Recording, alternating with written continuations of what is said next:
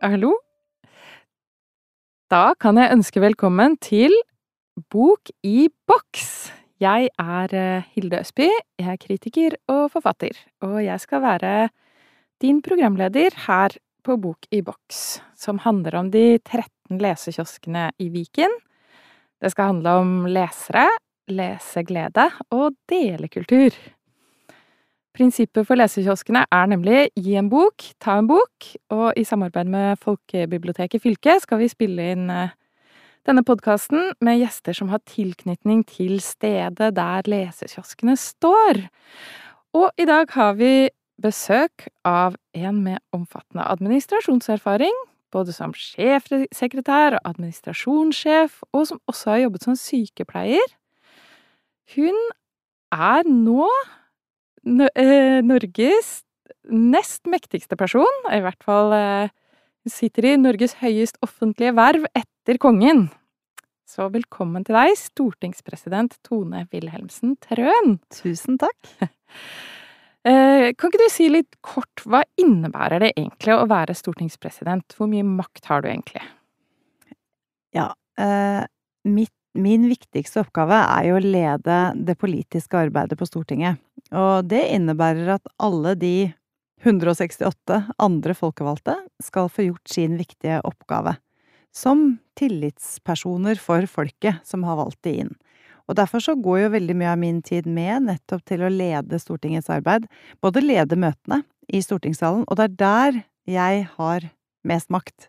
Eh, det er rett og slett at eh, det er den som er president, den som presiderer, som vi kaller det på stortingsk, som, som har makten i salen til å si for eksempel at nå har det gått over tiden, nå har du brukt ord du ikke skal bruke i Stortinget. Altså Skjer det ofte? Ja, det oh, ja. skjer ganske ofte, faktisk. Mm. Og så er det litt sånn um, viktig å huske på at uh, politisk debatt skal jo være litt uh, både litt humørfylt, men også med litt temperament. Eh, så man kan liksom ikke klubbe for alt. Vi kaller det å klubbe, da. Vi sier at nå må du finne andre ord. Men det handler særlig om at man ikke skal karakterisere hverandre, kalle hverandre ting. Gjøre debattene ja, det vi kan kanskje kalle usaklige. Mm. Det skal være en saklig debatt. Viktig for at alle stemmer skal, skal høres. Så makten ligger nok eh, først og fremst i det som skjer inne i stortingssalen. Men det høres Altså, du er sjefen, da, på en måte, for hele Stortinget. Ja. Du er sjefen for de andre. Ja, du kan si at jeg er Stortingets uh, uh, ja, fremste, da, blant mm. de 169. Mm. Men det er jo en stor jobb, så jeg lurer på, får du tid til å lese? Uh, ja, jeg gjør det, men det går litt sånn rykkevis og, og delt. noen ganger så Jeg bruker litt ferier og sånt, da, ja. til å lese. Det tror jeg veldig mange gjør. Jeg tror påske og jul og, og sommerferier er typisk sånn lesetid for folk. Mm -hmm. um, og så uh, leser vi jo veldig mye sakspapirer på Stortinget. Vi leser lover og stortingsmeldinger og, og vi leser mye aviser. Mm. Det er jo liksom jobben vår, egentlig, å holde oss oppdatert om uh, mediebildet fra dag til dag. Eh, og da kan det noen ganger bli litt at man rett og slett er litt tom, og at man ikke orker å lese mer. Mm. Så i perioder så leser jeg mindre, men jeg er veldig glad. Og jeg har liksom en haug av bøker liggende som jeg vil lese. Ja. Hva, er det, hva er det du leser, da? Hva liker du best å lese? Jeg leser egentlig veldig mye forskjellig.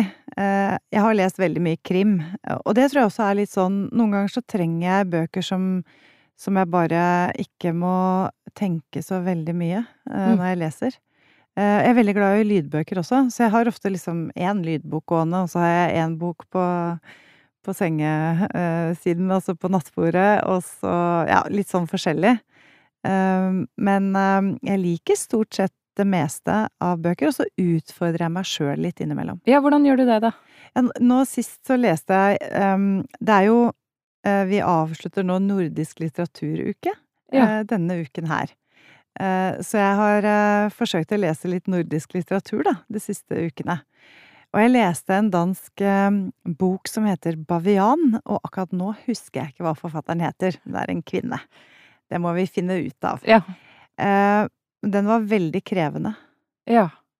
Den fortalte historier vi egentlig ikke orker å høre, om menneskelige trekk som vi ikke liker å snakke om. Ja. Eh, og det, det er nok kanskje en av de bøkene som har utfordra meg mest. Ja. Og ellers, da? Hva har du lest i år, da? Eh, jeg har lest en, um, jeg lest en norsk krim av Tove Tålesen som heter Dronningen. Som Ja. er litt artig, for den handler om et eh, attentat inne på Slottet. Det norske Slottet. Ja. Men eh, da har Norge en, eh, en dronning som er monark, da. Eh, Men, eh, men siden jeg har vært inne på Slottet noen ganger, så var det litt eh, gøy å lese den. For den, den er jo det er, det er elementer som er hentet ifra interiøret og sånn, som man kan kjenne seg igjen i. Hun har vært lakei. oh, ja, Slottet. nettopp. Ja, det stemmer det. Ja. Og så har jeg lest en del krimbøker. Mm. lest Jørn Lier Horst sine bøker. Mhm. Ja, hva mer har jeg lest i år, da? Det kan hende det kommer etter hvert. Så er det noen sånne favoritter som kommer tilbake, da. ja, det er bra. Vi skal Mm. snakke litt mer om en av dine favoritter. Eh, men vi kan jo snakke litt om Rånåsfoss også, fordi eh, vi er her fordi du er jo knytta til Rånåsfoss, hvor det er en lesekiosk. Og du planlegger å sette fra deg en, bok i lesekiosken i Rånåsfoss. Men kan du ikke fortelle litt først, hvordan var det å vokse opp i Rånåsfoss? Og eh, Eller, du kom jo rett utenfra Rånåsfoss. Um, og eh, hadde du noensinne en tanke om at du skulle komme i en så høy posisjon den gangen, da du vokste opp der? Nei, det hadde jeg selvfølgelig ikke. Um, jeg vokste opp på Haga, Ja. som er et um, som er et lite sted. Uh, og min uh, far jobbet på teglverket der, sånn at uh, vi flytta dit da jeg var fem år. Og det teglverket var på en måte hjørnesteinsbedriften på Haga. Eh, og så eh, ligger Haga ikke langt unna Rånåsfoss. Så Rånåsfoss var på en måte sommerstedet, for der var det et eh, utendørs svømmebasseng eh, som het Baderen. Eh, jeg tror det eksisterer fortsatt. Eh, for på Rånåsfoss så ligger det også et veldig stort eh, e-verk. Akershus eh, Energi Mm. ligger, ligger der. Og de satte i stand dette utendørsbadet, så vidt jeg husker. Og der var jeg altså alle solskinnsdager, og sikkert regnværsdager også i løpet av sommeren. Så å sykle fra Haga til Rånåsfoss og, og ligge der hele dagen, eh, og så kanskje, da, eh, gå ned til eh, telefonkiosken og ringe hjem og spørre om han kunne bli henta, for eksempel. Hvis sykkelen hadde punktert, eller noe et eller annet sånt. Ja, ja. Og nå er den fylt med bøker. Ja, det er kjempefint. Fantastisk tilbud, altså. Men leste du mye når du var barn? Og når du vokste opp der, da? Ja, jeg leste mye da jeg var liten. Mm. Um, så jeg var um, Jeg var veldig glad i å, å lese, og noen av de bøkene, spesielt den ene boken jeg leste som, eh, som ja, liten, jeg gikk vel kanskje i sjette klasse, eh, den har jeg også med meg. Den har egentlig prega meg litt som politiker, på en måte også. Oh, ja. Det var eh, Gabriel Scott sin bok De vergeløse. Oh, ja, nettopp. Som handler om eh, barnehjemsbarn og en liten gutt, da. Og mye Mye ondskap og mye Ja, det er en veldig sterk bok, egentlig. Ja, veldig sterk Jeg husker jeg har grått mye over den boka. Ja. Og det tror jeg nok forma meg litt i forhold til det med å være opptatt av hvordan eh, barn har det, da. Eh, så jeg var Jeg ble politiker når jeg var 21 år. Da sto jeg på liste for første gang. Da var jeg lokalpolitiker i Nes, da. Der, der hvor eh, ja, Rånåsfoss nå ligger, og Haga også ligger. Eh, og, mm, og jeg var i, i det som jeg tror het Barnevernsnemnda også den gangen, som, som politiker.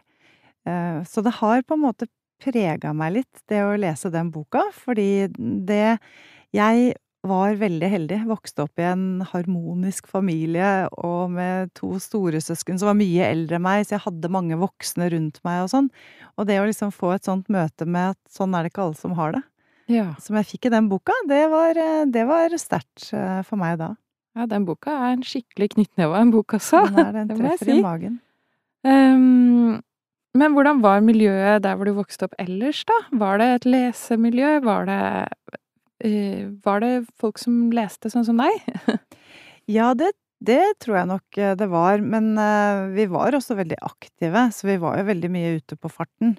Eh, jeg drev med, med idrett, da, både friidrett og ski, og spilte håndball og sånn, og, og vi var jo eh, Vi var jo veldig mobile den gangen. Det var jo å sykle og gå til hverandre og, eh, og ja, være mye fysisk aktive også. Eh, men, eh, men jeg fant Har iallfall alltid funnet liksom roen ved å sette meg ned med bok, da. Det har Mm. liksom vært eh, sånn ordentlig stilletid. Jeg syns det er godt at det er helt stille, at ikke har på radio og TV noen ganger, og at det bare er meg og boka. Mm. Eh, Så det har jeg nok hatt med meg helt siden jeg var, eh, helt siden jeg var liten. Mm. Um, og så hadde jeg også venninner som, eh, som leste, uh, så Men vi- var liksom ikke sånn at det var det vi delte, kanskje sånn veldig mye sånn Vi hadde ikke vår egen lesering som, eh, som 13-åringer, for å si det sånn. Nei. Men du fikk jo samla din, dine engasjementer både for lesing og familie, da, i familie- og kulturkomiteen, som Ja. du har leda. Ja.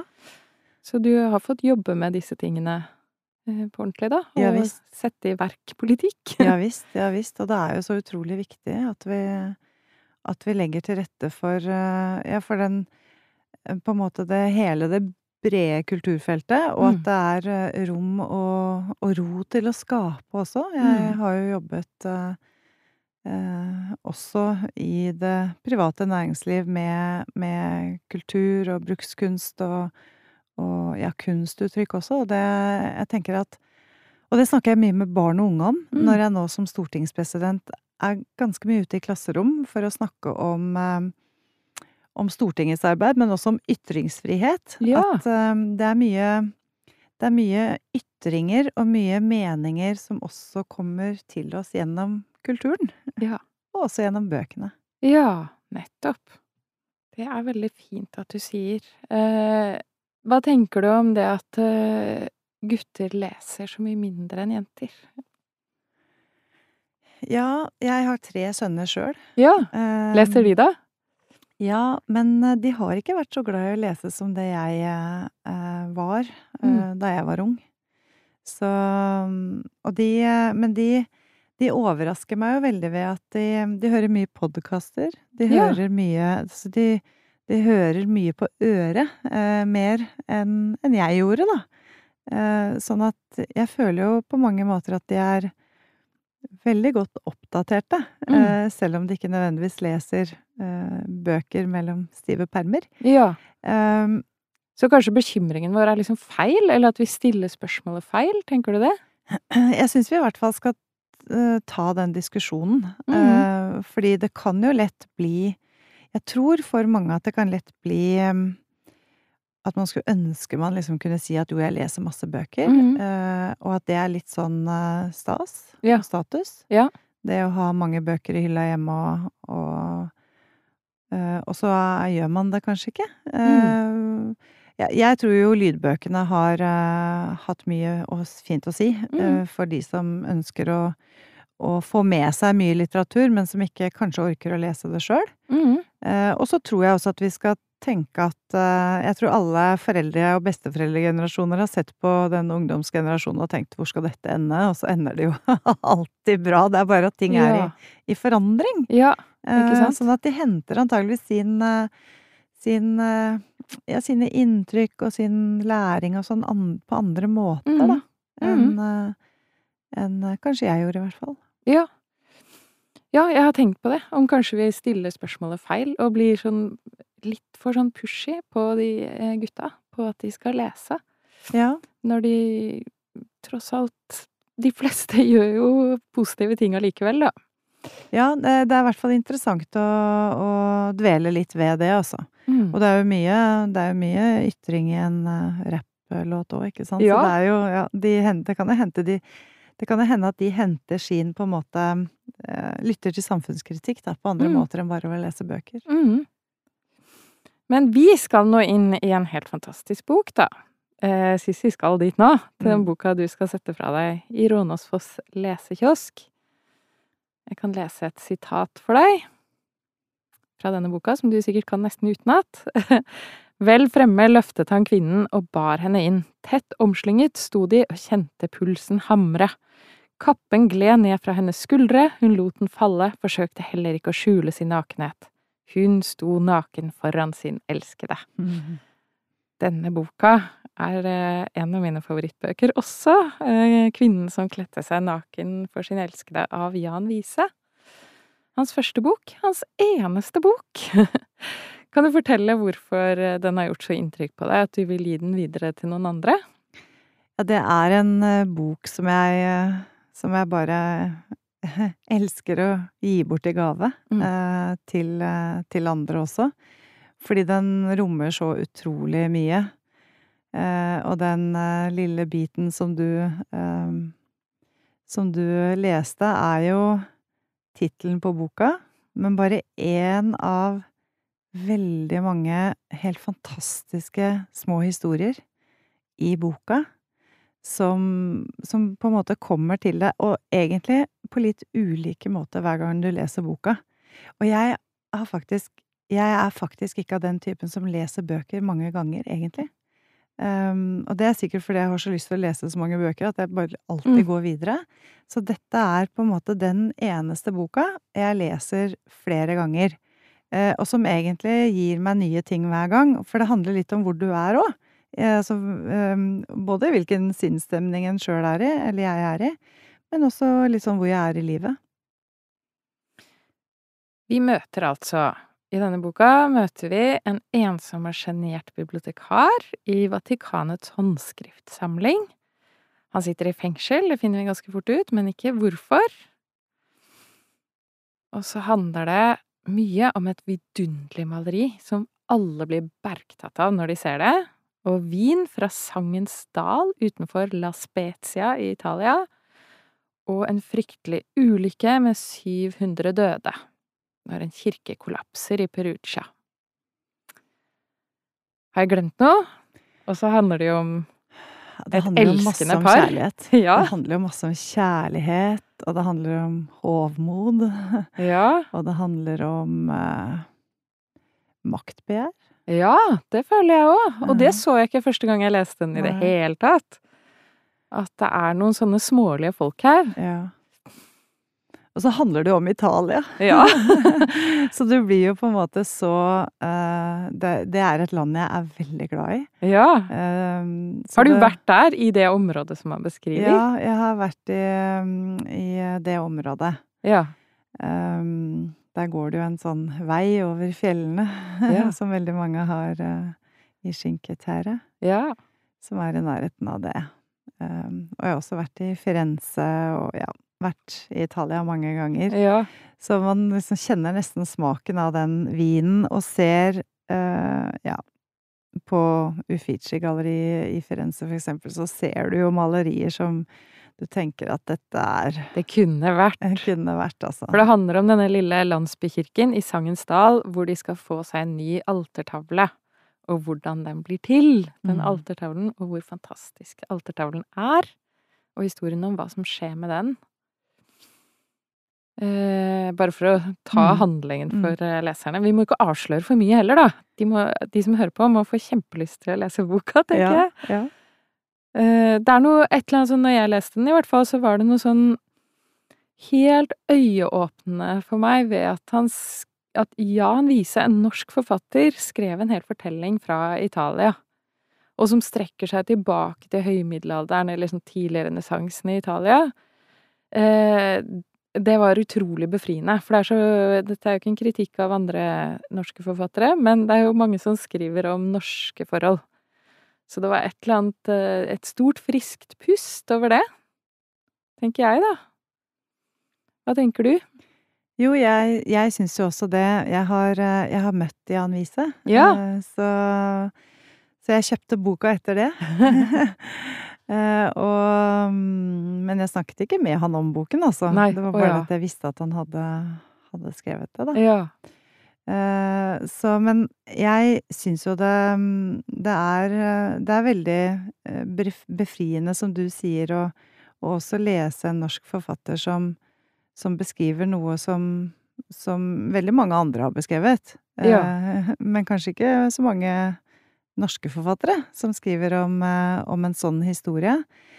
Men så er det nesten sånn at den, den Selv om den jo er sånn satt i eh, Italia, og du nærmest liksom kjenner både på klima og bygninger og alt det der der, så er den jo allikevel Den kunne vært fortalt hvor som helst, egentlig. Altså Mm. det, det handler jo egentlig om mennesker og forholdet mellom mennesker. Ja. Ehm, og uh, ja, jeg syns jo også dette Denne troen på at det kan finnes mirakler. Ja. At det finnes undere, ikke sant? Og er det er, det, er vi for opptatt av eh, alt det som er så åpenbart for oss, at vi ikke klarer å noen ganger la oss bevege, da? Og hva er et under, for eksempel? Ja. Men ehm, men det er jo altså jeg, og, for meg, da, som ikke har sangstemme, så skulle jeg jo ønske at jeg kunne bli truffet av dette underet. For eh, et av underne i denne boken handler jo nettopp om at eh, alle i den landsbyen ble helt fantastisk flinke til å synge. Ja. Derav sangens dal. Ja. Men dette skjer jo også med bibliotekaren når han står i dusjen. Ja, og det er jo fordi at han eh, Ja, det spørs hvor mye vi skal røpe, da, men dette fantastiske maleriet, som ingen egentlig visste hvem det var som hadde malt, blir jo funnet etter flere hundre år eh, i Vatikanet, i en eh, gjenmurt gang, eh, hvor det henger under masse støv. Eh, og så er det klart at han eh, Han er jo en skrifttyder i Vatikanet. Så han eh, jobber jo med gamle tekster, eh, og får jo etter hvert forståelsen at dette maleriet burde vært tilbake der det Mm. opprinnelig var. Mm. Det er er på en måte blitt stjålet. Ja, det er på en Ja. måte blitt stjålet. Det er solgt på en måte av noen som ville oppnå en posisjon. Mm. Eh, og så har det brakt, vi må vel kunne si, ulykke Mm. over det lille stedet Ja. og kirken. Og så vil jo han egentlig da gjøre noe som er godt, da. Han Mm. mener jo at det bør føres tilbake dit, og da plutselig finner han ut at han kan synge veldig vakkert i dusjen en morgen.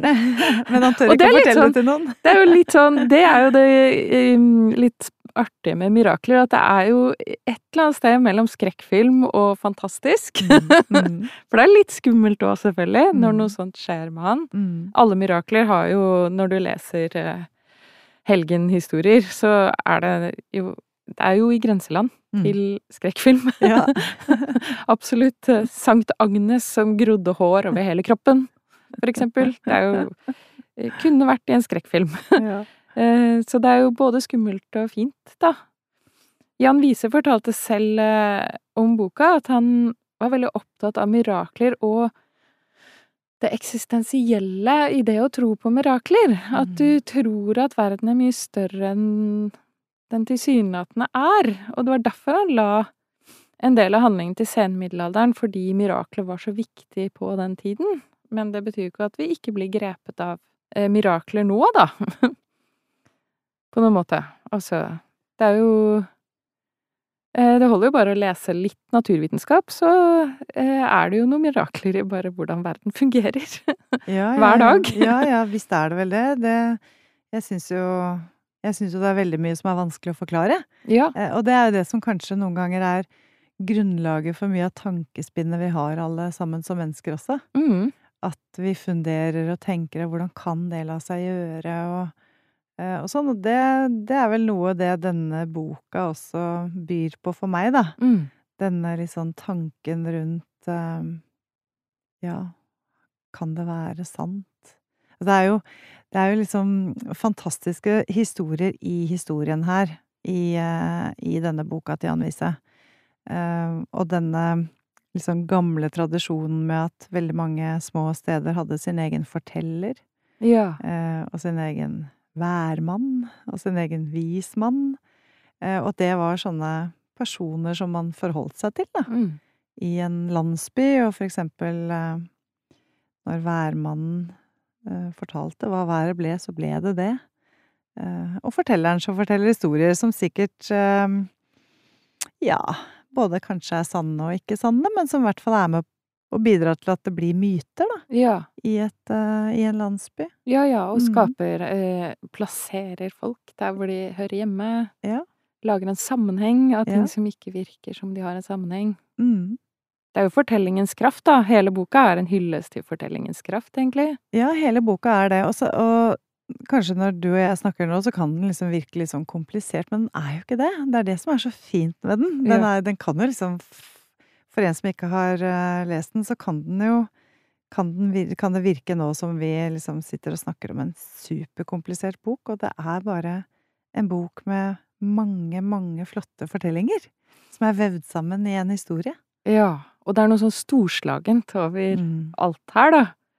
Eh, vidunderlige ting og skumle ting og Men eh, jeg vet jo om folk som beskriver det som et mysterium at denne boka slo an sånn som den gjorde, fordi den er bygget opp som en kinesisk eske. Det er liksom en fortelling inni en fortelling inni en fortelling. Den er litt krimaktig, for du blir sånn drevet videre i historien hele tiden. Du lurer på hva er det egentlig her? Mm. Hva er det med det bildet? Hva er det mm. med den kvinnen? Mm. Um, jeg må jo fortelle om hvordan boka ble til, fordi Jan Wiese hadde jobba som forlegger i mange år. Og så hadde han sagt sånn Ja, kanskje jeg skal skrive en roman? Sa han til Andreas Skartveit, som var forlegger. Og så en dag, i 1989, så kom han til Andreas Skartveit med en plastpose med ø, papir oppi. Og det var boka.